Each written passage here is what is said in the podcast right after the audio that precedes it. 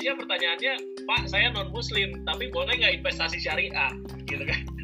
Saya pak pengen investasi syariah tapi katanya disuruh disuruh syahadat dulu saya nggak mau pak. Nah itu sebenarnya keliru banget. Oh gitu ya kalau di Indonesia ini adalah sesuatu muamalah gitu. Banyak yang nanya kayak gitu.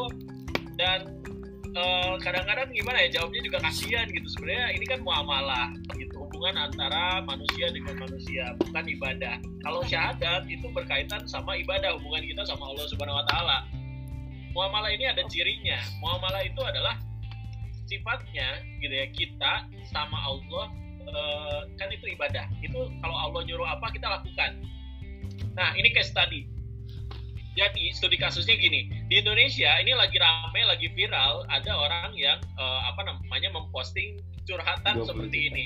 Saya curhat nih ketika covid gaji, uh, sebelum covid gaji saya 20 juta. Gitu gede kan 20 juta gitu.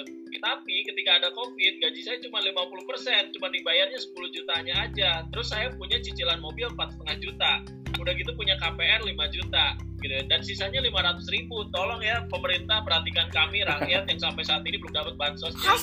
Ini sebenarnya yang namanya apa namanya gaji itu sebenarnya relatif. Gitu. gede atau besarnya itu sangat relatif. Kan menurut dia gajinya kecil banget sampai harus minta bansos gitu ya.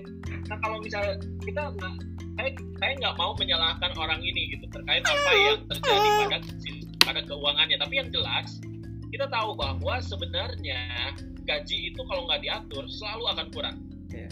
Jadi gaji itu bukan dihemat, karena hemat itu bagian dari mengatur, tapi yang jelas harus diatur atau dikelola, bukan cuma dihemat. Nah, kalau misalnya kita atau misalnya ada saudara kita atau teman kita kejadian kayak gini, apa yang harus dilakukan? Gitu ya. Kan memang bukan keinginan juga karena COVID siapa sih yang nyangka bakal ada COVID gitu ya? Nggak pernah ada yang nyangka. Jadi sebenarnya soal gaji, saya bilang bahwa gaji itu, gitu ya, ini benar kata Charles Ajape gitu. Jadi dia dia bilang bahwa gaji itu bukan sesuatu yang bikin kaya, tapi cara belanjanya yang bikin kaya. Kalau gajinya sebesar apa pun cara belanjanya nggak diatur, susah makanya kalau teman-teman mahasiswa kan saya juga sering ngisi di teman-teman mahasiswa saya bilang kamu nggak usah susah-susah kok cari cari pasangan gitu ya cari cari calon istri itu kamu nggak susah gitu ya jangan aneh-aneh lah cari calon istri gitu ya yang penting dia bisa ngatur uang yang satu agama gitu aja. Kenapa bisa ngatur uang bukan bisa masak? Karena kan mau bikin rumah tangga nih bukan rumah makan. Jadi yang harus dilakukan adalah kalau mau bikin rumah tangga caranya harus dia bisa ngatur uang di Indonesia ini di Indonesia tuh orang selalu yang perempuan ya yang perempuan selalu ngerasa rendah diri ketika dia maaf kang saya nggak bisa masak. Dia taaruf ngomong kayak begitu nggak apa buat apa coba? Gitu ya. Ini cowok-cowok ini salah nih harusnya dia bisa ngatur uang. Kan kalau perempuan bisa ngatur uang kan enak ketika taaruf kang. Kalau misalnya mau cari yang bisa masak saya mundur. Gitu. tapi kalau yang bisa cari ngatur uang saya insya Allah bisa gitu ya berapapun gaji akang insya Allah akan saya atur sebaik-baiknya anak bisa sekolah dengan baik gaji kita insya Allah bakalan selalu cukup gitu ya. Apa pun yang kita inginkan insya Allah kita akan rencanakan dengan baik dari awal. Kan bagus gitu ya. Nah kalau udah kejadian kayak gitu gimana? Gitu. Oh ternyata pengelolaan keuangan penting. Sama kayak misalnya kesehatan itu harus ada detoxnya tuh. Ketika kita makannya asal-asalan detoxnya kita tuh puasa. Bulan Ramadan kemarin itu detox banget. Nah detoxnya buat gaji atau pengelolaan keuangan tuh ada dua. Tabungan sama investasi itu detox detox buat tuh racun-racun dalam keuangan itu caranya adalah dengan punya tabungan dan punya investasi. Itu paling penting. Kalau solusinya gimana? Kalau yang tadi kejadian satu mobil mesti dilepas. Apa pun itu dijual atau over kredit terserah yang penting harus dilepas. Kenapa? Bebannya ini supaya berkurang. Tadi kan sisanya 10 juta. waktu gaji 20 juta memang cukup. Tapi ketika turun ya berarti mobilnya harus dilepas apa pun caranya. Yang kedua restrukturisasi KPR jelas memang bank syariah mungkin ag agak alot juga tapi sangat memungkinkan kalau BTN syariah karena BTN syariah itu memang ada opsinya untuk restrukturisasi KPR selain murah memang bisa restrukturisasi. Jadi memang nantinya dipanjangin tapi apa namanya cicilannya iya, di di uh, apa namanya di peringan lagi. Misalnya tadinya 5 juta jadi 4 juta atau jadi 3 juta tapi nanti cicilannya jadi tambah panjang gitu. Itu namanya restrukturisasi KPR yang ketiga sumber pendapatan lain ya jadi ngapain aja terserah. Mau misalnya jualan masker kek mau jualan online apa pun memang harus dilakukan. Pas covid ini jangan ada kata gengsi segala macam karena memang untuk bertahan hidup apa pun yang harus dilakukan. Nah itu solusi jangka pendek. Lalu pre preventifnya gimana? Preventifnya adalah satu punya dana darurat. Ini harus banget. Yang kedua tabungan dan investasi. Yang ketiga pengelolaan dan perencanaan keuangan yang baik. Kalau misalnya dulu orang bilang dana darurat gitu ya. Orang mikirnya cuman ah satu bulan juga cukup. Tapi ketika ada covid orang-orang jadi mulai terbuka bahwa dana darurat oh nggak cukup cuman satu bulan. Dana darurat itu minimal 3, sampai 4 bulan. Bahkan ada yang bilang 12 bulan itu harus punya dana darurat. Gitu ya. memang ngumpulinnya effort juga pak ngitungnya gimana? Dana darurat ini sebenarnya ngitungnya gampang. Kita sebulan pengeluaran pokok itu berapa? Misalnya gaji kita 10 juta pengeluaran pokoknya 5 juta. Ya berarti 5 juta kali 12 bulan. Oh saya berarti harus punya dana cadangan 60 juta. Harus ngumpulin pak. Ya memang harus ngumpulin. Mau gimana lagi? Gitu. Dan memang nggak ada opsi lain gitu kan. Nah betul tadi. Ini luar biasa banget. Surat Yusuf ini luar biasa banget. Saking luar biasanya nama anak saya saya kasih nama Yusuf. Masya Allah. karena memang sejak awal masuk bursa efek Indonesia saya ditugaskan untuk uh, apa namanya mulai nge-research apa itu pasar modal syariah. Dan ternyata dapat di satu apa namanya nggak sengaja baca ada satu kajian tentang waktu itu siapa ya? Nukman Alikan gitu ya kalau nggak salah Ustadz Ustadz dari Amerika kalau nggak salah gitu ya. Ustadz Nukman Alikan kalau nggak salah Noman. Dia bilang bahwa surat Yusuf itu luar biasa. Dia bisa ngomongin psikologis, dia bisa ngomongin soal ekonomi.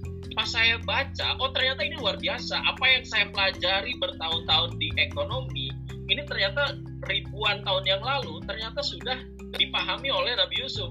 Jadi pemahaman saya dulu bahwa wah ekonom paling the best adalah John Maynard Keynes gitu ya. John Maynard Keynes itu menurut saya paling keren dulu. Tapi begitu baca surat Yusuf, salah ini.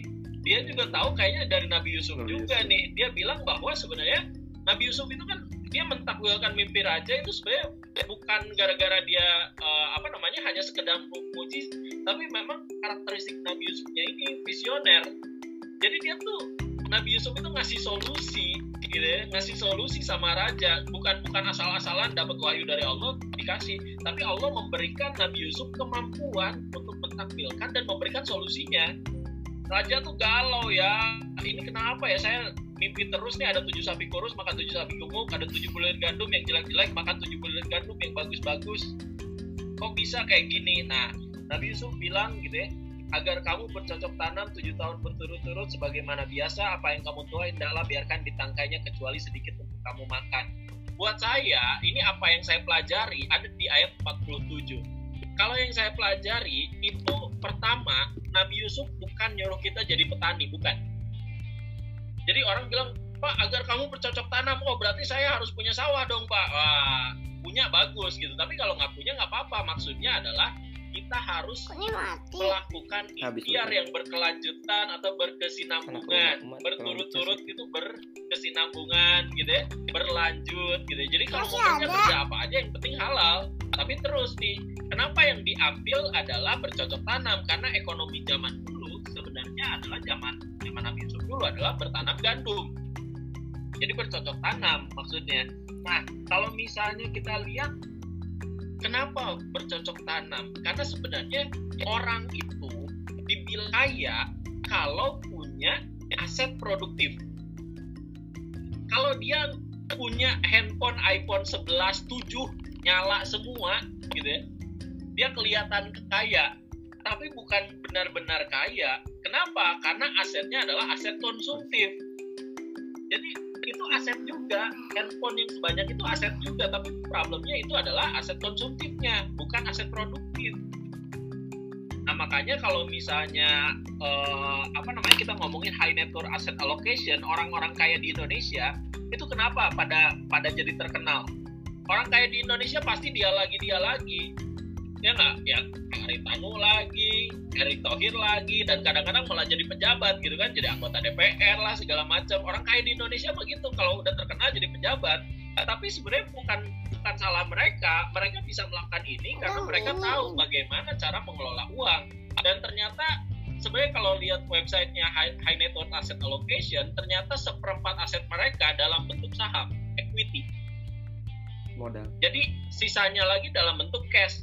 Jadi seperempatnya dalam bentuk saham seperempatnya dalam bentuk tabungan deposito dan teman-teman ya pokoknya setara kas gitu ya setara dengan cash. Jadi kalau mau ngatur kayak gitu. Sisanya macam-macam ada alternatif investment. Misalnya berlian emas. Nah, jadi sebenarnya orang tua kita yang investasi emas itu udah benar sebenarnya secara teori. Jadi orang yang investasi emas juga sebenarnya udah benar. Jadi saya nggak nggak pernah bilang bahwa investasi yang benar hanya saham, nggak nggak kayak gitu. Jadi investasi di keuangan yang benar ya mungkin di saham, di reksadana, di sukuk gitu ya. Tapi kalau misalnya investasi real kan macam-macam. Silakan mau misalnya punya kontrakan tujuh pintu ya syukur alhamdulillah gitu kan. Mau misalnya punya tanah, punya emas ya silakan aja gitu ya. Nggak masalah. Nah yang saya kenalkan adalah aset produktif dalam bentuk keuangan gitu ya. Nah, di selanjutnya adalah biarkan ditangkainya kecuali sedikit untuk kamu makan. Maksudnya apa? Biarkan ditangkainya artinya kita harus bisa mengelola supaya kuat sampai kapan gitu ya, sampai masa yang akan datang. Itu maksudnya kayak gitu. Jadi saya bukan ahli tafsir, tapi saya melihat ayat 47 ini benar-benar clear ngomongin apa yang saya pelajari. Saya harus punya pekerjaan yang terus menerus saya lakukan saya harus rajin dalam bekerja dalam berikhtiar. Jadi kalau mau selesai masalah keuangan kan rajanya ini punya masalah keuangan nih. Tujuh tahun bakal subur tujuh tahun bakal paceklik. Itu doang yang dikasih tahu sama Nabi Yusuf. Bahwa tujuh tahun bakal subur tujuh tahun bakal bakal paceklik. Ini masalah keuangan. Rajanya mikir iya ya masalah ini kerajaan saya nanti gimana? Mau ekonomi kerajaan mau ekonomi keluarga mau ekonomi toko semua sama. Ketidakpastian itu ada. Jadi ketidakpastian itu ada termasuk ekonomi kita bukan ekonomi raja doang ekonomi kita juga sama. Tujuh tahun akan subur tujuh tahun akan paceklik. Selalu ada krisis. Cuman nggak tahu tujuh tahun nggak tahu enam tahun nggak tahu tiga tahun kan tapi yang jelas bakal ada krisis. Makanya kita jangan asal-asalan dalam membelanjakan uang gitu ya. Biarkan ditangkainya kecuali sedikit untuk kamu makan. Berarti uangnya harus kita kelola dengan baik. Hasil yang tadi itu harus kita punya aset produktif kita kelola dengan baik punya tabungan dan asuransi. Ini penting banget. Kecuali sedikit untuk kamu makan jelas ini mesti hemat. Ini bagian dari pengelolaan keuangan. Tapi biarkan ditangkainya ini macam-macam nih. Biarkan ditangkainya ini tuh boleh dibilang adalah satu proteksi. Kita harus melakukan proteksi sama aset kita. Hmm proteksi itu bukan cuma asuransi, investasi juga proteksi buat masa yang akan datang. Jadi asuransi mah harus ya minimal harus lah minimal BPJS punya. Tapi di Indonesia ini BPJS tuh banyak kalangan BPJS nih budget pas-pasan jiwa sosialita. Beuh, luar biasa ini benar-benar gaya nomor satu pokoknya gitu ya. Wah kalau misalnya iPhone baru ganti besoknya ada iPhone lagi harus ganti gitu ya. Lebaran nggak pakai mobil baru, wah luar biasa merasa rendah diri gitu ya. Nah itu nggak boleh kayak begitu jadi tujuannya adalah bagaimana kita punya aset produktif. Emas harus punya, deposito itu jelas harus punya, sukuk harus punya, reksadana kalau boleh punya tuh, gitu kan? Enak gitu. Nanti saya kenalin tuh apa sukuk, apa reksadana gitu. Nanti saya kenalin. Tapi yang jelas tujuan kita perlu investasi ya tadi ada inflasi, harga tuh terus-terusan naik nilai uang kita tuh semakin lama semakin turun. Kalau kita cuma nabung di bank, ini pasti nggak akan kekejar makanya kita harus gimana caranya nambah nilai kekayaan. Ini sering tuh di Indonesia. Di seminar kadang-kadang saya di seminar pernah ditanya pak ngapain bapak ngajarin saya kaya? Gitu ya. Saya kan muslim saya kayanya di akhirat. Uh, pede banget ini kayak mau masuk surga tuh kayaknya punya orang dalam kayak nih. Karena memang itu menurut saya ya menurut saya butuh impor gitu ya butuh, butuh usaha yang ibadah aja kayaknya memang masuk surga itu ya perlu import nggak bisa asal. Hmm.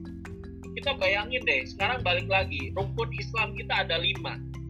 Rukun Islam kita ada lima. Rukun Islam tiga empat lima gitu ya itu berhubungan sama duit loh. Yeah. cuma satu doang satu sama dua yang nggak berhubungan sama duit. Sahadat ya tinggal ngomong sahadat sholat ya tinggal sholat ya enggak itu pun kalau mau diomongin soal duit perlu. Sholat kan harus pakai pakaian yang bagus pakaian yang bersih. Okay. gitu ya pakai parfum yang wangi. Kan mau ketemu Allah kan kayak begitu gitu. Itu pakai duit gitu kan. Mau bener-bener totalitas banget tahajud kan mesti bener-bener pakai yang baik gitu kan. Itu kan butuh duit. Tapi anggaplah sadat sama sholat nggak butuh duit. Lah puasa apa emang butuh duit? Nah iya butuh kan puasa itu kan merasakan kira-kira penderitaan puasa ini bukan cuma nahan lapar tapi kita harus juga banyak bersedekah ya nggak? Kesempatan makanya Allah bilang ketika bersedekah banyak di bulan Ramadan kamu misalnya dapat pahala itu ngomongin duit. Udah jelas zakat harus kaya gitu ya. ngapain bilang bahwa muslim itu nggak perlu kaya? Kata siapa muslim nggak perlu kaya? Muslim itu harus kaya. Mana yang ngajarin muslim nggak harus kaya? Muslim itu harus kaya gitu nggak bisa didebat itu namanya muslim itu wajib kaya harusnya gitu kalau misalnya udah berusaha tapi nasibnya nggak kaya ya berarti menerima zakat. Gampangnya secara itu. Tapi bagi anda yang sudah berusaha dan punya gitu ya anda jangan lupa buat zakat. Yang lima naik haji jelas lah. Ibadah haji jelas butuh duit. Mau kayak gimana? Mahal tambah mahal. Umroh juga pakai duit kan? Gitu ya. Mau ngehajiin orang tua. Itu target keuangan loh. Hajiin orang tuh target keuangan gitu kan biar orang tua saya tenang gitu. Mah pak mohon maaf saya tuh jarang ketemu mama sama papa karena saya juga harus kerja gitu. Tapi tenang mah pak saya udah punya tabungan haji buat mama papa pergi kan enak. Jadi peningkatan nilai kekayaan harus. Ketidakpastian kayak corona ini kan ketidakpastian masa yang akan datang. Dan corona kemarin 2008 ada krisis global itu juga ketidakpastian. Ada kebutuhan kebutuhan ya pastilah apa yang kita butuh. Ada keinginan pak emang beda beda butuh mobil. Nah yeah. nah dulu gitu ya. Butuh mobil oke okay, butuh mobil. Nah tapi mobilnya Mercy. Ah itu mah keinginan, keinginan. bukan kebutuhan gitu ya. Jadi kalau butuh tuh apa yang bisa dipenuhi apa yang kita butuhkan gitu ya. Tapi kalau keinginan biasanya soal merek gitu ya. Manusiawi itu pak ya memang manusiawi gitu. Tapi kalau mau nyampe itu harus usaha harus ikhtiar. Nah orang Indonesia gitu ya seneng instan kalau apa-apa pengen cepet kaya. Pak di pasar modal bisa cepet kaya? Nggak bisa. Kalau pengen kaya dari pasar modal bisa. Tapi kalau cepet kaya ke kanjeng dimas. Udah emang nggak barokah gitu ya kedukun lagi. Aduh syirik. Wah banyak dosa udah. Kalau anda mau kaya gitu ya mau sejahtera ikutin caranya yang benar. Teorinya seperti ini. Nggak bisa anda langsung instan kayak gitu kan. Caranya gimana? Orang pengen instan tapi kelihatan kaya gitu ya. Pakai kartu kredit kejar-kejar sama debt collector. Udah biasa tuh cerita-cerita orang dikejar-kejar debt collector karena memang kartu kreditnya dipakai ngasal. Bukan buat sesuatu yang benar kredit boleh tapi KPR lah gitu ya. Itu pun ada aturannya jangan sampai lebih dari 30% nah ini pasar modal syariah. Kita kenalan sama pasar modal syariah dulu. Pasar modal syariah ini sebenarnya pasar. Jadi kalau kebayangnya pasar di mana sih pasar gitu ya? Kalau di Jakarta pasar Impres Cipete misalnya, kalau di Bandung misalnya pasar eh, Dago, pasar Simpang gitu ya, itu pasar gitu ya. Jadi kalau ngebayangin pasar modal atau bursa efek jangan bingung. Pak Dery dari Bursa Efek Indonesia apaan sih Bursa Efek Indonesia gitu ya pasar modal gitu pasar modal tuh kayak pasar tempat bertemunya penjual dan pembeli tapi pembeli apa pembeli surat berharga jadi Pak Bursa Efek Indonesia itu apa? Bursa Efek Indonesia itu tempatnya. Jadi kan Pak Bursa Efek Indonesia itu bursa pengaruh Indonesia ya. Ah ini keliru nih. di situ kan pengaruh. Jadi Bursa Efek Indonesia bukan bursa pengaruh Indonesia, tapi bursa atau pasar tempat jual beli surat berharga surat berharganya itu macam-macam. Ada tanda kepemilikan namanya saham. Ada tanda utang itu namanya obligasi atau surat utang gitu. Jadi yang diperjualbelikan itu gampangnya gini. Kalau misalnya saya ajak teman-teman semua mungkin di Jepang ada pasar tradisional apa gitu. Nah saya ajak teman-teman ke tradisional tapi bukan buat beli barangnya. Beli lapak kios atau tokonya jadi pasar modal tuh kita ternyata nggak beli barangnya, tapi beli perusahaannya. Telkom, Unilever, Indosat, Kalbe Farma, itu banyak banget ada 700 perusahaan yang ada di Bursa Efek Indonesia bisa teman-teman beli. Banyak. Nah problemnya adalah belinya yang mana gitu ya. Kalau misalnya pasar modal syariah tuh kayak gimana? Nah di pasar modal syariah itu nggak boleh beli misalnya lapak atau kios atau toko atau jongko yang jualan minuman keras Nah, itu nggak boleh. Yang kedua, misalnya lapak, kios, toko. Kalau saya dulu sempat tinggal di Kebon Jati, itu ada pasar uh, di dekat apa namanya di dekat Gardu Jati itu ya. Di dekat Gardu Jati ada pasar. Pasarnya itu wah jual buah-buah yang bagus. Tapi jualan daging babi juga. Nah, kalau beli buahnya boleh, beli daging babinya ya nggak boleh. Sama pasar modal syariah juga kayak gitu kita boleh beli perusahaan apa pun tapi masuk ke dalam daftar efek syariah atau daftar saham syariah yang diterbitin sama OJK.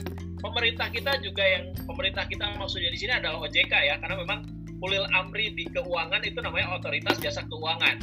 Jadi kalau misalnya uh, kita disuruh taatilah Allah, taatilah Rasul, taatilah para ulama dan taatilah ulil amri minkum atau misalnya uh, apa pemimpin di antara kalian. Nah, maksudnya kalau di keuangan itu pasti ulil amrinya adalah OJK, Otoritas Jasa Keuangan. Ini yang bagian pengaturan dan pengawasan. Makanya kalau misalnya pasar modal syariah itu daftar saham syariah diseleksinya sama OJK. Bursa Efek Indonesia itu hanya tempat saja, tempat melakukan transaksinya gitu. Makanya dulu ada dua tempat tuh bursa efek tuh, bursa efek Jakarta sama bursa efek Surabaya. Nah, bursa efek Jakarta dan Surabaya itu udah nggak ada, dua-duanya udah merger, udah menikah menjadi satu, namanya menjadi bursa efek Indonesia. Gitu ya teman-teman. Jadi pasar modal itu sesuatu yang gampang tapi kalau pasar modal syariah tempat jual beli surat berharga tempatnya sama-sama di Bursa Efek Indonesia juga tapi ini untuk mekanisme kemudian barangnya tidak boleh bertentangan dengan prinsip syariah. Ada batasan-batasan dalam melakukan investasi di Bursa Efek Indonesia kalau mau sesuai dengan prinsip syariah. Pasar modal syariah juga bukan tempat judi gitu ya. Ah itu saham tuh judi. Ah padahal bukan tempat jual tempat judi karena memang ini adalah jual beli. Kan tadi datang ke pasar itu untuk menjual membeli. Sama kayak investasi emas untuk menjual dan untuk membeli juga. Jadi akan di pasar modal apa? Jual beli. Yang dijual belikan adalah surat kepemilikan. Misalnya ya surat berharga kepemilikan namanya saham. Nah ini tuh kira-kira boleh nggak kita ngambil kepemilikan seseorang yang bermitra dengan perusahaan? Contohnya ada orang yang punya saham Telkom. Saya pengen jadi pemilik saham Telkom saya beli deh. Gitu ya. Bermitra gitu ya. Kemitraannya saya beli nih. Kamu kan bermitra sama Telkom tuh gitu ya. Bersyirkah sama Telkom. Jatah syirkah kamu saya beli. Nah itu ternyata sama para ulama sudah diperbolehkan. Jadi kita boleh selama sahamnya bukan saham yang dilarang. Gitu ya. Atau saham yang bisnisnya tidak sesuai dengan prinsip syariah kalau Telkom Pak boleh, ya boleh karena masuk dalam daftar efek syariah, bisnisnya pun tidak dilarang. Bisnis telekomunikasi itu halal. Pak, saya mau beli yang cepet kaya nih kira-kira Pak. Ini uh, sahamnya bagus Pak, saham minuman keras, saham bir bintang misalnya kayak gitu. Boleh nggak Pak? Ah, bir bintang kayak gitu kan minuman keras, jadi tidak bisa masuk ke dalam daftar efek syariah. Jadi perusahaan yang memproduksi minuman keras pasti nggak masuk. Jasa keuangan konvensional nggak masuk gitu ya. Peternakan babi udah jelas gitu ya. Nggak bisa masuk. Nah jadi pasar modal itu bayangannya adalah kayak pasar biasa. Benar-benar ada investornya ada anggota bursanya gitu ya. Kalau misalnya investornya dianggap pembeli anggota bursanya itu pedagang. Jadi harus lewat harus lewat pedagang nih kalau mau beli barang. Namanya adalah anggota bursa atau sekuritas bukan security ya, memang sekuritas gitu. Sekuritas itu adalah perusahaan yang nanti membantu teman-teman untuk membeli dan menjualkan saham. Jadi orang ini melayani teman-teman untuk membeli dan menjualkan saham. Pemasoknya itu emiten. Barang yang diperjualbelikan efek. Memang dari zaman Belanda dulu namanya memang efek kan zaman Belanda dulu tuh datang tuh si VOC itu datang bikin Batavia Effecten Burs. Ah, Batavia Effecten Burs, bursa efeknya Batavia. Jadi kata efek itu diambil dari bahasa Belanda. Burs de Effecten Batavia, Batavia Burs de Effecten. Lah itu bahasa Belanda. Artinya ya bursa efek Batavia nama nama efek itu ternyata diambil dari bahasa Belanda. Ini luar biasanya kayak gitu. Jadi memang kita adalah salah satu bursa tertua di dunia Nah, ini bursa efek zaman dulu, bursa efek Jakarta. Waduh, ini kayak arena gladiator ini. Orang-orang sikut-sikutan buat naruh saham nih pakai pakai ditulis nih pakai merah untuk jual, spidol hitam, bukan spidol biru buat beli. Ini tergantung kalau badannya gede enak nih sikutnya. Sekali sikut kan, wah langsung masukin harganya. Cepet-cepetan. Dulu namanya perusahaan sekuritas atau pedagang, ya kayak gini. Pedagang itu kitanya nanti ini di atas ini kitanya nanti mantau nih di atas. Atau misalnya kita nulis form dulu tolong beliin saya saham Telkom. Nih. Terus orangnya nanti ada orang-orang ini berlari-lari nih ke sini. Oh mana Telkom di mana? Oh di belah sini. Oh masuk datang ke sini. Papan tulis semua ini ribetnya bukan main tuh zaman saya. Jakarta zaman dulu ramai bener kayak pasar. Tapi efisien nggak? Nggak orang kita mau beli saham aja harus nulis form dulu, harus ada tanda tangan materai segala macam, ada tanda tangan di sahamnya karena kan saham ini atas unjuk juga, gitu kan? Harus ditanda saham zaman dulu kayak begini nih, ribet. pakai kertas kayak gini ada tanda tangannya. Di belakangnya ini ada tanda bukti oh tanggal segini milik si Ujang. Nah, besok si Ujang jual. Oh sudah tidak milik si Ujang di bawahnya lagi milik si Komar. Ah milik si Komar kan ribet pindah-pindah sahamnya. Dan itu butuh empat hari malah.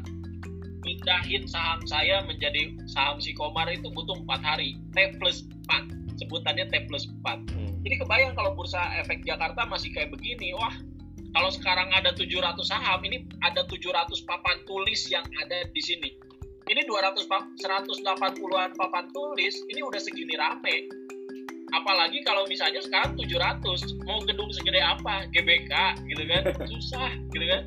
Nah makanya saham ini udah nggak jadi lagi, udah nggak pakai kertas lagi, semua pakai uh, tanpa warkat atau scriptless. scriptless. Jadi ini dibikin elektronik. Satu, biar nggak ngabisin hutan. Dua, mau banjir. Ini kertasnya kalau misalnya perusahaannya udah di delisting dan ternyata lembarannya banyak, ini jadi sampah. Sayang banget, gitu kan? Mau ditaruh di kamar juga dipajang buat piagam, buat apa, gitu kan? Ini jadi sebenarnya kalau saham kayak begini mah ya udah nggak dipakai lagi. Tapi sebenarnya apakah Pak kalau misalnya sekarang sahamnya nggak pakai warkat atau dalam bentuk elektronik, berarti kita menjual belikan barang yang nggak ada Pak. Ini haram Pak. Oes, tenang dulu. Jadi sebenarnya saham itu nggak kelihatan bukan berarti barangnya nggak ada. Sahamnya ada, disimpan di Kustodian Sentral Efek Indonesia, disimpan di rekening, rekening atas nama Anda sendiri. Kustodian Sentral Efek Indonesia ini pemiliknya adalah BEI dan Bank Indonesia. BEI dan Bank Indonesia. Ini anak perusahaan BEI tapi sahamnya juga dimiliki sama Bank Indonesia. Karena memang ini bukan buat nyimpen uang tapi tapi untuk nyimpen surat berharga. Saham, obligasi, sukuk, reksadana disimpan di Kustodian Sentral Efek Indonesia atau KSEI. Nah, ini bukan berarti nggak ada sahamnya ada. Kalau anda beli, anda sebenarnya boleh kok dapat ikut rapat umum pemegang saham boleh. Kita kalau misalnya sudah punya saham nih, sahamnya saya udah punya, dapat untung nggak? Ya dapat gitu kan? Pak tapi saya cuma punya 100 lembar pak dapat untung dapat. Siapa pun yang punya saham dapat keuntungannya. Jadi ini bukan sesuatu barang yang bodong ini ada kepemilikannya terhadap perusahaan ini ada diakui sama perusahaannya. Kalau anda pemegang saham. Pak tapi nggak kelihatan. Sekarang gini pulsa pulsa handphone zaman dulu pulsa handphone kan digesek-gesek gitu digosok gitu kan. Zaman dulu kan mau pulsa handphone kan digosok gitu kan baru ada kodenya. Sekarang pulsa handphone dapat apa? Nggak dapat apa-apa. Pulsa handphone cuma naruh nomor di tukang pulsa gitu ya tiba-tiba pulsanya nyampe. barangnya mana? Nggak ada boleh kok nggak ada. Sekarang nggak kelihatan. Pulsa listrik sekarang. token gitu kan? Tenot tenot udah habis nih gitu kan? Terus kita beli di Indomaret tuh token listrik. Dapat apa? Dapat kertas secari kayak gitu doang. Nggak ada barangnya. Pak kalau mau kerasa gimana ya? Masukin colokin tuh tangan ke steker. Udah ada listriknya apa belum? Kan nggak perlu gitu ya. jadi teman-teman ini bukan berarti barangnya nggak ada atau nggak kelihatan. Ya memang jadi haram transaksinya. Bukan ini bukan nggak ada tapi barangnya benar-benar ada tapi disimpannya di rekening. Udah scriptless udah nggak pakai kertas.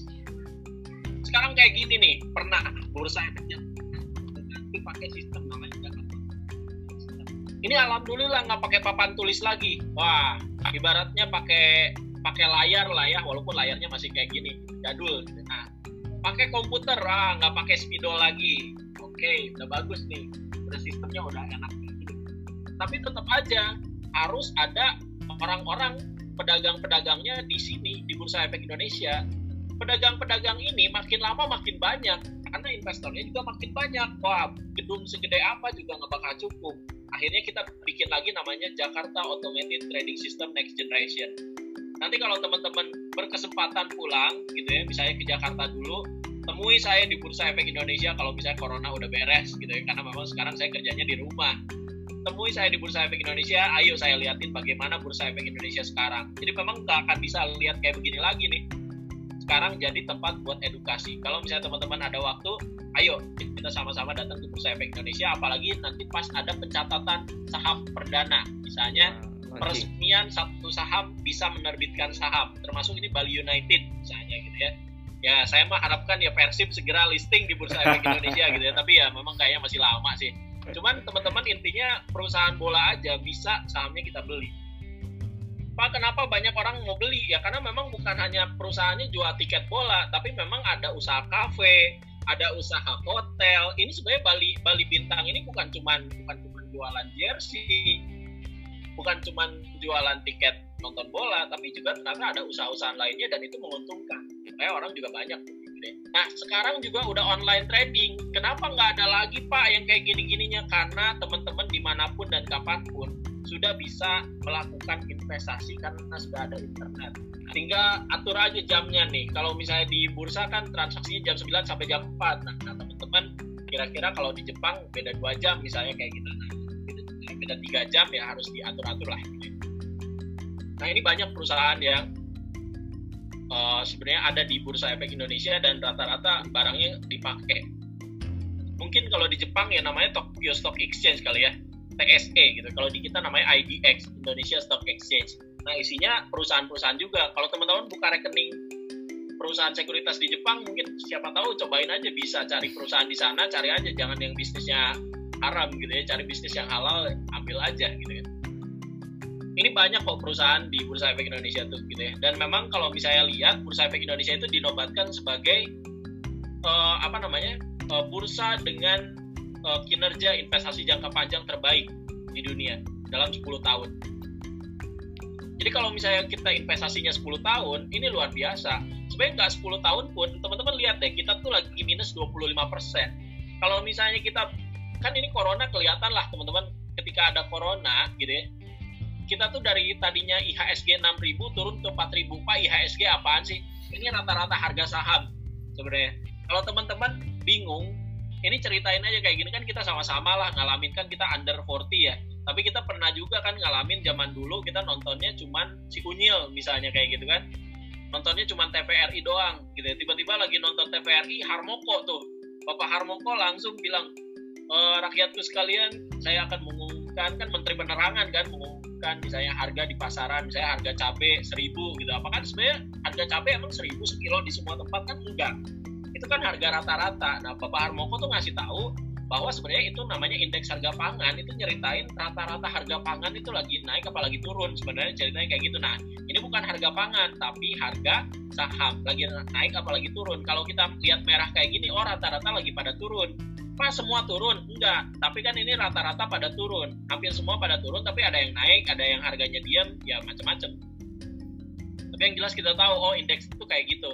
Jadi kita sebenarnya kalau misalnya beli gitu, bayangin kita punya duit 2000 gitu ya, mungkin kalau sampai tahun 2019 kemarin udah 6000 Pak kalau saya udah misalnya udah udah investasi lama tiba-tiba turun gimana? Bagusnya ya beli lagi.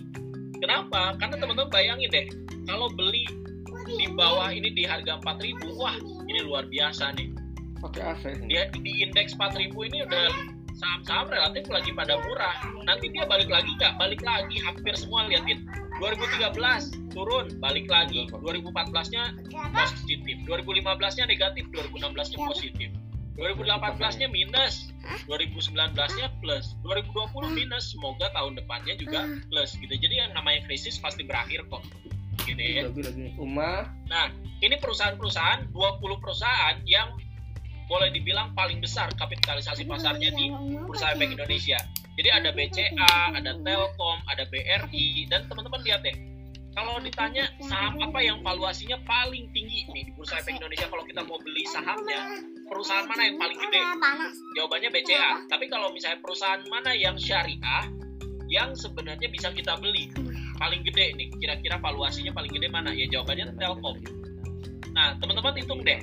ini S itu maksudnya adalah saham yang syariah. Jadi teman-teman lihat yang S-nya ini syariah. Ada Telkom, ada Unilever, gitu ya, ada Chandra Asri, ada Barito Pacific, Indofood CBP. Kita hitung yang S-nya di 1, 2, 3, 4, 5, 6, 7, 8, 9, 10, 11, 12. Ada 12 perusahaan yang sebenarnya sesuai dengan prinsip syariah. Pak yang lainnya yang nggak ada S gimana? Berarti tidak syariah. Segampang itu.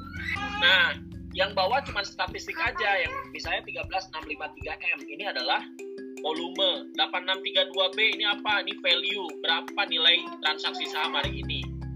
Kemudian ini 300 ribuan ini apa? Ini berapa kali ini frekuensi. Ya, saham itu ditransaksikannya berapa kali? Yang bingung ini kan gitu kan ADRO nah teman-teman mungkin nonton Metro TV gitu kalau di Indonesia. PBTN, PTPP, ICBP ini maksudnya apa sih? Ini empat huruf. Empat huruf ini sebenarnya adalah nama perusahaan disingkat gitu ya. Kenapa pak disingkat? Kalau nggak disingkat dipanjangin gitu. Nama perusahaan di Indonesia tuh panjang-panjang. Kalau dipanjangin mah ini sampai Isa acaranya nggak bakal beres karena panjang lihatin deh ICBP Indofood CBP Sukses Makmur TBK ada Sukses Makmur. Teman-teman jangan bandingin di Tokyo Stock Exchange. Kalau lihat berita kayak gini nama perusahaannya dipanjangin. Karena sepanjang apa pun nama perusahaan di sana mungkin ya pendek-pendek Nestle ya. Nah, tetap aja Nestle. Goodyear ya itu Goodyear aja gitu kan. Coba di kita ICBP Indofood CBP Sukses Makmur ini kayak toko material. Ada namanya jadi nggak bisa. Kalau misalnya di luar negeri Microsoft ya Microsoft. Nggak ada Microsoft maju jaya di sana tuh nggak ada gitu ya. Samsung sukses sejahtera tuh nggak ada di sana. Samsung ya Samsung aja gitu kan. Makanya kita singkat empat huruf jadi teman-teman kalau mau beli saham nah ini tinggal masukin kode sahamnya gitu kan. Kayak ini kan kelihatan nih oh TLKM itu kode dari Telekomunikasi Indonesia. Oh misalnya HMS HMSP itu HM Sampurna gitu ya. Jadi kenalin dulu perusahaannya ini perusahaan apa Pak ini HM Sampurna kenapa nggak ada S-nya Pak? HM Sampurna itu Haji Muhammad Pak. Kenapa nggak ada syariah syariahnya ini. Ini bukan Haji Muhammad Sampurna ini tuh perusahaan rokok. Jadi tetap nggak bisa masuk ke dalam daftar efek syariah Pak kenapa nggak boleh? Kan nggak halal. Nggak haram gitu kan? Memang nggak haram sih. Memang yang mengharamkan cuma sebagian para ulama tapi sebenarnya di bursa efek Indonesia ini nerimanya dari OJK OJK itu dapatnya dari MUI MUI bilang bahwa rokok itu mudorotnya lebih tinggi daripada manfaatnya. Jadi berdasarkan peraturan OJK karena mudorotnya lebih tinggi daripada manfaatnya saham rokok kayak HMSP dan gudang garam ini nggak bisa masuk ke dalam saham syariah. Makanya nggak ada huruf S-nya. Gitu ya. Nah, ini bagaimana saham syariah tadi diseleksi. Jadi 700 saham di Bursa Efek Indonesia dipilih-pilih dulu nih. Mana yang syariah, mana yang enggak. Oh, yang syariah itu yang bisnisnya halal, yang laporan keuangannya sesuai dengan prinsip syariah. Pak, ada nggak perusahaan yang nggak diseleksi? Ada. Apa? Perusahaan yang ngomongin bahwa dia adalah perusahaan syariah. Mendeklarasikan diri sebagai saham syariah. Contohnya apa? BRI Syariah. BRI Syariah ngapain diseleksi orang namanya udah BRI Syariah ada Dewan Pengawas Syariah yang nggak perlu diseleksi lagi bisnisnya pasti sudah sesuai dengan prinsip syariah ini landasan regulasinya teman-teman bisa baca sendiri fatwanya juga sudah ada hukum positif dan fatwa ulamanya lengkap fatwa ulamanya udah ada empat dari awal sampai akhir sudah dibilang bahwa saham ini diperbolehkan asal hanya beli saham syariah tidak boleh melakukan transaksi yang dilarang. Emang apa Pak transaksi yang dilarang? Tadi beli saham yang nggak syariah, beli saham rokok, beli saham minuman keras, cepet kayaknya. Tapi dilarang dalam syariah karena bisnisnya, gitu ya. Barang sama caranya harus jelas. Caranya gimana Pak yang melanggar prinsip syariah? Beli saham pakai utang, utangnya ada ribanya. Ini nggak boleh. Hmm. Kalau ngutangnya ke orang tua boleh nggak? Ya sok sok aja nggak ada masalah. Kalau ngutang ke orang tua kan nggak ada bunga biasanya tapi bagusnya investasi bukan dari utang. Investasi itu kita bisa menghemat sebulan berapa sih? Pak, gaji saya 10 juta. Gitu ya. Saya pengeluaran sehari-hari mentok 8 juta, punya 2 juta, Pak, sejuta saya tabung, sejuta saya investasi. Boleh nggak? Boleh. Pak, ternyata kebutuhan saya 9 juta 500, Pak. Sisanya cuma 500. Ya udah 250 ribu tabungin, 250 ribunya lagi beliin saham. Banyak kok saham yang bisa dibeli dengan harga segitu gitu ya jadi caranya memang berapa uang yang bisa kita punya bisa kita uh, komitmenkan untuk beli pak saya nggak bulan ini saya nggak punya uang sama sekali yang yang nggak bisa beli saham gitu ya itu. Jadi investasi itu bukan paksaan. Kalau nggak punya uang ya udah nggak usah. Gitu ya kalau udah kalau ada uang dan uangnya untuk di masa yang akan datang gitu ya itu boleh. Tapi kalau misalnya pakai uang yang uh, panas uang panas ini uang utang atau uang kebutuhan sehari-hari ya ini bahaya. Contoh gini mahasiswa tuh pak saya pakai duit SPP pak beli saham. Waduh ini nih kena nih. Kenapa? Karena memang bayar SPP itu ada tenggat waktunya. Mending kalau pas tenggat waktunya harga sahamnya naik. Kalau lagi turun wah wassalam. Investasi saham bikin anda nanti kalau medical check up nih kira-kira kolesterolnya nambah ini gitu kan. Jadi hati-hati ya Enggak gimana? Wah banyak gitu ya. Boleh dibilang ini lembaga intermediasi. Ngapain Telkom dan Unilever dan Indosat dan Sido muncul segala macam terbitin saham? Karena mereka pengen bisa ekspansi tapi nggak ngutang. Nah, caranya adalah nerbitin saham, ngajak masyarakat untuk beli saham. Ini kayak gitu. Jadi ini saling membutuhkan antara perusahaan sama kita yang punya uang. Kayak gitu. Yang kedua pajak. Setiap kita beli saham atau jual saham pasti ada pajaknya, tapi nggak gede kok. Biaya sama pajaknya aja paling kalau transaksi sejuta, bayarnya paling mahal tiga ribu. Kadang-kadang di bawah tiga ribu gitu, lima ratus apa delapan ratus. Murah banget kok. Gitu ya kestabilan dan pertumbuhan ekonomi jelas gitu ya makin banyak orang yang investasi kesejahteraannya bakal meningkat ekonomi juga dan bisa zakat dan sedekah serta wakaf dari saham jadi saham itu di Basnas udah diterima jadi kalau teman-teman mau mewakafkan saham boleh ke Badan Wakaf Indonesia kalau mau menzakatkan saham sudah bisa ke Basnas jadi iya, Basnas iya, sudah iya. mau terima zakat dalam bentuk sahamnya boleh bagi hasilnya boleh sahamnya boleh uangnya boleh sahamnya. Ya. Nah, ini keuntungan saham ada dua, dividen bagi hasil dan capital gain. Kalau misalnya sahamnya dijual lagi dengan harga lebih tinggi, sama lah. Kita punya tanah, gitu ya. Tanahnya dikelola nih sama petani. Bagi hasil, gitu ya. Petaninya 70%, kita dapat 30%. Nyawah gitu ya, bikin sawah gitu ya.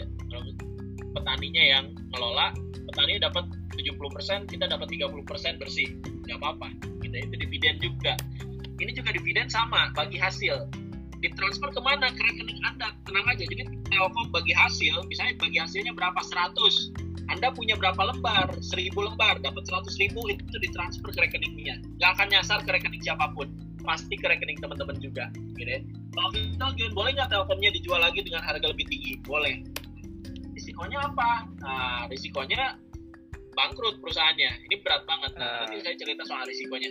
Tapi yang jelas saham itu bisa diwariskan, bisa dihibahkan, bisa dijadikan mahar. Buat teman-teman yang belum menikah, silahkan. Pinang kau dengan Bismillah dan saham syariah adalah kata-kata yang ya. Ini kita lihat nih. Ini orang yang pertama menikah dengan mahar saham syariah. Kita hitung kekayaan istrinya. Coba kenapa?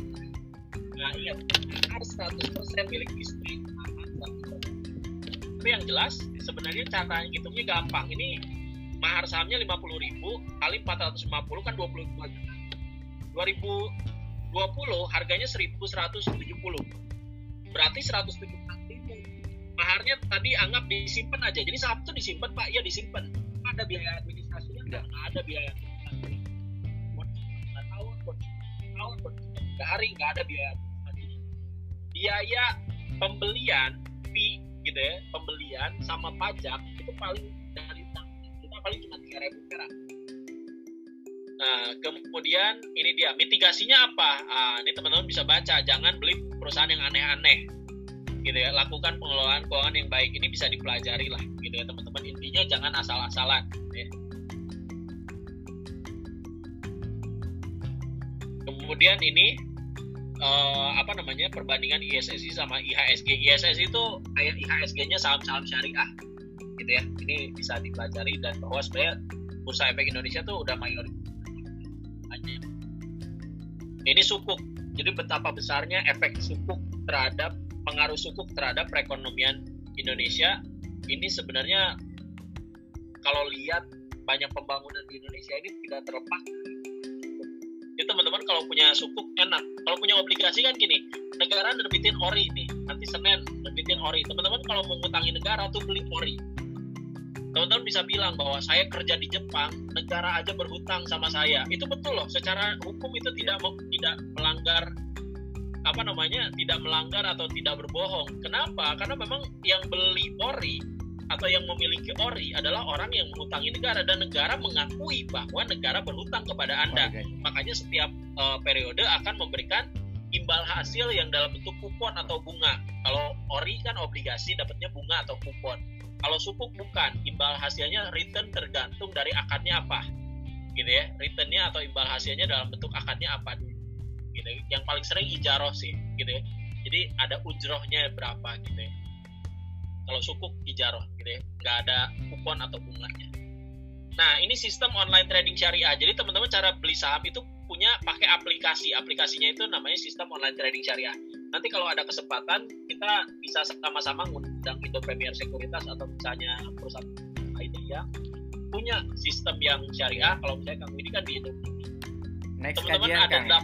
18 perusahaan yang punya sistem online ada 18 gitu ya. Ini banyak apa yang membedakan sistem syariah sama enggak ini sistem syariah hanya mengikuti fatwa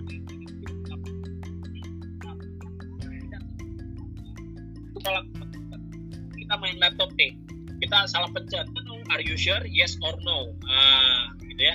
Yes or no itu kan ada kotak gitu ya. Kalau ini enggak enggak yes or no maaf transaksi anda ditolak karena saat tersebut tidak masuk dalam daftar efek syariah. Ah, tidak sesuai dengan ayat sekian hadis sekian. Allah tahu banyak ada hadisnya segala macam. Nah ini mekanisme transaksinya gimana buka rekening dulu pelajari saham apa yang mau dibeli gitu ya. Bebas Telkom, Indosat, Unilever, KB Pharma kalau punya uang semua ya silakan tapi belinya yang bagus-bagus ya, kayak gitu. Kemudian tinggal pencet dua pencet beli transaksi nah ini uh, alur uh, jual beli sahamnya. Kemudian kalau udah punya rekeningnya ya tadi pahami dulu tuh nah, siap cari perusahaan yang kuat banget bahkan kalau bisa udah berdiri lebih dari enam tahun dan bisa berdiri sampai enam tahun ke depan. Ini sisi bisnis harus, diperhatikan. Kira-kira perusahaan apa yang bisa kuat sampai kapan pun barangnya tetap dibeli jadi ngomongin risiko jelas gitu. Jadi sebenarnya kalau misalnya pak saya sibuk pak gimana? gitu kan perawat pasti sibuk kan di rumah sakit atau di mana. Sebenarnya ini nggak nggak menyita waktu lama. Kenapa? Teman-teman tinggal beli simpan buka rekening beli simpan. Nggak usah setiap hari ditongkrongin nggak usah tapi harus dievaluasi juga minimal ya satu tahun lah. Ya satu tahun dicek gitu oh saham saya sekarang udah berapa? Atau nanti juga teman-teman secara naluriah itu kebiasaan. Kalau udah punya saham setiap hari ngecek oh saham saya sekarang harganya segini ya. Oh telkom saya naik nih. Oh telkom saya lagi turun nah tenang aja waktunya saya buat beli lagi. Jadi sebenarnya tiap orang punya uh, kalau investasi itu nggak bisa disamakan semua orang. Pak kira-kira saya harus investasinya berapa persen Pak? Dari dari gaji saya nggak nggak bisa. Terserah aja berapa yang penting bisa beli satu lot saham apa aja yang bisa dibeli. Minimal itu satu lot saham. Lebih banyak lebih bagus. Nah perhatikan juga nih kira-kira buat apa investasinya? Oh buat anak saya masuk kuliah. Berarti uang ini jangan di otak atik. Biasanya orang Indonesia itu gitu ya yang kita di Indonesia ini gatel harga saham 3000 udah naik 4000 waduh padahal ini buat anak sekolah tapi kayaknya beli tas yang iya. baru nih LP aduh tas LP ini kayak bagus banget. Gitu kan? Wah mumpung di luar negeri belanja sikat. Sahamnya dijual semua. Aduh susah tuh kan. Kayak gitu mah jadi tujuan investasinya mesti jelas dulu buat apa. Aduh ada jam tangan. Kalau di Indonesia mah 7 juta kalau di sini mah 2 juta. Waduh tetap aja gitu kan? Itu adalah aset konsumtif. Jadi sebenarnya bagaimana kita meneguhkan hati kita untuk membeli saham sesuai dengan tujuan investasi kita. Kalau mau yang risikonya rendah, jangan beli perusahaan yang volatilitasnya tinggi. Saham bank konvensional jelas tinggi.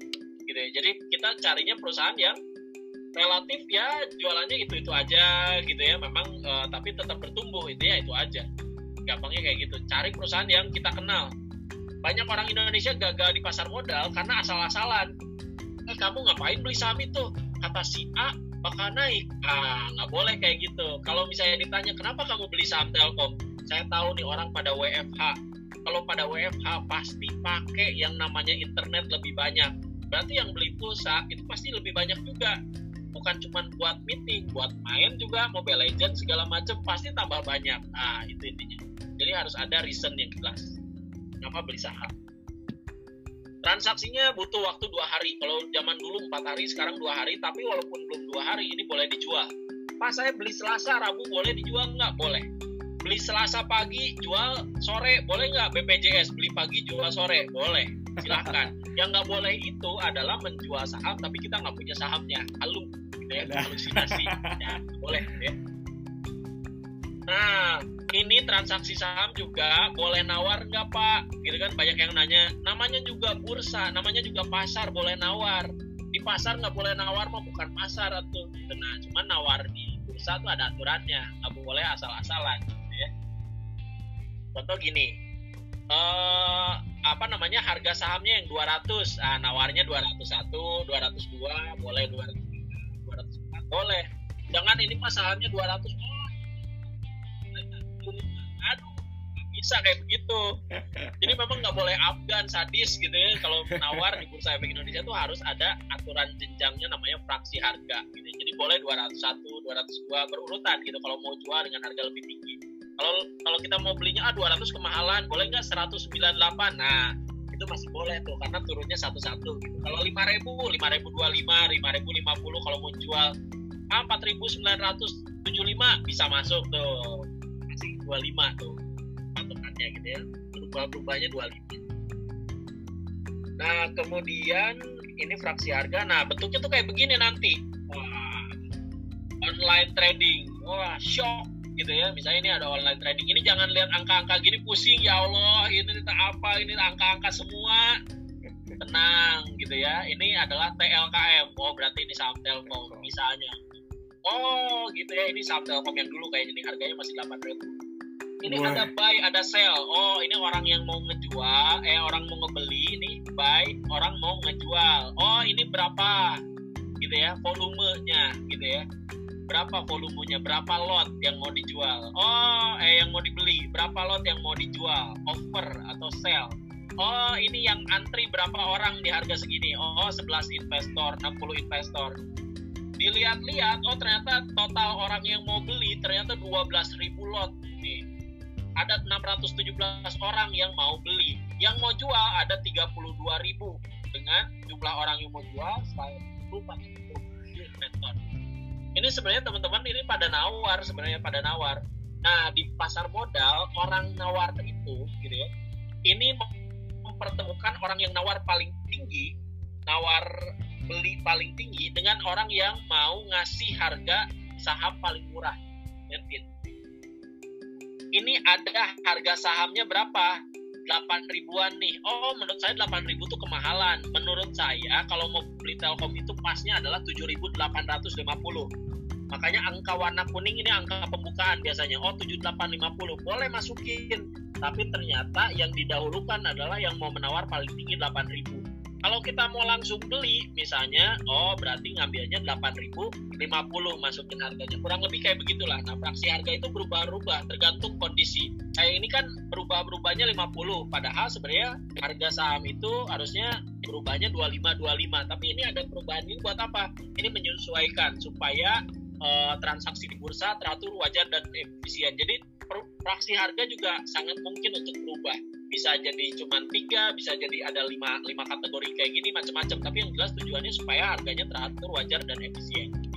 Jadi ini bukan bukan sesuatu yang pusing sebenarnya. Jauh jadi kalau misalnya mau jual paling cepat ya harganya delapan ribu. Kalau mau beli paling cepat ya delapan ribu lima puluh. Kalau mau nawar ya ini ke bawah antri. Gampang ya? Cek juga di website Bursa Efek Indonesia gitu ya. Ini jangan lupa sebelum beli saham kepoin dulu. Nah teman-teman bisa cek perusahaan tercatat atau data pasar. Nanti ada linknya gitu ya tinggal pencet linknya. Bantu. Oh Telkom dia bagi dividen tahun 2000 sekian berapa? Oh tahun itu dia ngebagi dividennya 400 nah ini di, di, di kepo-kepoin lah. Pak saya tuh perawat pak. Saya bisa nggak baca yang kayak ginian? Eh tenang. Malam gitu ya. Ini ada udah dibikin grafik nggak usah sekolah ekonomi dulu kita tahu nih gitu ya. Profitnya naik gitu. Ya pak ini turun. Oh ini baru setengah tahun misalnya kayak gitu. Gampang kok. Ini misalnya yang hitamnya adalah aset yang kuningnya liabilities. Yang penting asetnya lebih tinggi daripada bebannya atau liabilitiesnya. Yang hitam lebih tinggi daripada yang kuning. Selama yang banyak biru-biru angka biru-biru ini angka biru-biru bagus tapi kalau angkanya warna merah-merahnya banyak, hampir semua warna merah, hati-hati.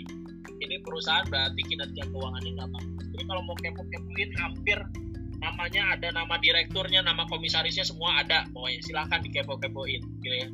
Sebelum beli saham, lihat-lihat dulu lah. Dan teman-teman, inilah bahwa sebenarnya kita alhamdulillah sudah dinobatkan sebagai the best Islamic capital market. Jadi yang dibilang the best Islamic capital market bukan Malaysia lagi tapi alhamdulillah sudah direbut Indonesia tahun 2019 semoga teman-teman juga bisa memahami bahwa keuangan syariah kita sudah mulai bertumbuh perbankan syariah sudah mulai bagus nah sekarang tinggal giliran pasar modal syariah yang sekarang jadi imamnya gitu ya. Jadi kalau Turki aja, Turki aja nelpon kita, nelpon Pak Irwan. Pak Irwan itu bos saya. Turki itu nelpon bos saya. Kita pengen ngebangun pasar modal syariah seperti di Indonesia. Jadi jangan salah. Pokoknya jangan bilang ah Indonesia mah pasti kalah. Enggak kok gitu ya. Sebenarnya untuk keuangan syariah kita jauh lebih maju. Nanti mungkin teman-teman uh, bisa tanya-tanya kalau ada yang masih belum dipahami kalau nanti sesi pertanyaannya kepotong atau misalnya keburu malam karena di sana kan udah mungkin jam berapa ya beda berapa jam tadi kalau udah terlalu malam di sana nggak apa-apa. Saya pasti bisa langsung dihubungi. Di materi saya juga tadi ada nomor WA saya. Kalau mau lewat email atau lewat media sosial silahkan ke @idx Islamic boleh ke saya langsung boleh. Pertanyaan apa pun insya Allah bisa uh, saya jawab. Insya Allah teman-teman juga kalau mau diskusi diperbolehkan. Tapi yang jelas pasar modal syariah itu sekarang sudah sangat terbuka. Untuk buka rekeningnya aja sebenarnya cukup 100 ribu itu pun bukan biaya teman-teman juga udah bisa mulai investasi. Harapan saya buat teman-teman teman-teman uh, bisa berkesempatan juga kalau udah sejahtera jangan lupa diwakafkan dis, dizakatkan disedekahkan. Kami membangun pasar modal syariah itu terintegrasi. Mulai dari buka rekening itu ada standarnya. Ada di dalam pembukaan rekening itu akad untuk mematuhi fatwa DSN MUI nomor 80 akad untuk menjadi investor syariah itu di dalamnya udah ada. Ini dan satu-satunya di dunia yang ada pembukaan rekening sesuai dengan syariah cuma di Indonesia. Saat ini di Malaysia pembukaan rekening gitu-gitu aja tapi untuk yang syariah ini akadnya sudah ada sudah diatur. Dan di akhir kita sudah ada siapkan kalau teman-teman sudah sejahtera ada zakat infak sedekah sama wakaf saham. Saya ya, sarankan teman-teman ya. kalau ada rezeki wakafkan saham teman-teman. Semoga umur Amin. amal teman-teman bisa lebih panjang daripada umur yang kita jalani di dunia. Kalau diwakafkan dan menjadi dana abadi terus-terusan dipakai itu kan luar biasa banget. Jadi harapan saya teman-teman kita sama-sama berkesempatan untuk uh, nabung. Kan kita juga pengen mudik kan? Saya juga pengen mudik nih ke Bandung. Nah kenapa kalau ditanya mudik? Kamu kenapa sih nggak mau mati sekarang gitu? Karena kan nggak yakin masuk surga gitu kan? Padahal kalau mau mudik ya mudik kita harusnya ke surga gitu kan? Kenapa nggak yakin? Karena memang amalan kita ngerasa belum cukup nah teman-teman bisa mulai ikhtiar bahwa kekayaan kita bisa dipakai untuk mencari supaya umur amal kita bisa lebih panjang daripada umur kita di dunia. Baik terima kasih banyak teman-teman semua. Sekian penjelasan saya semoga bermanfaat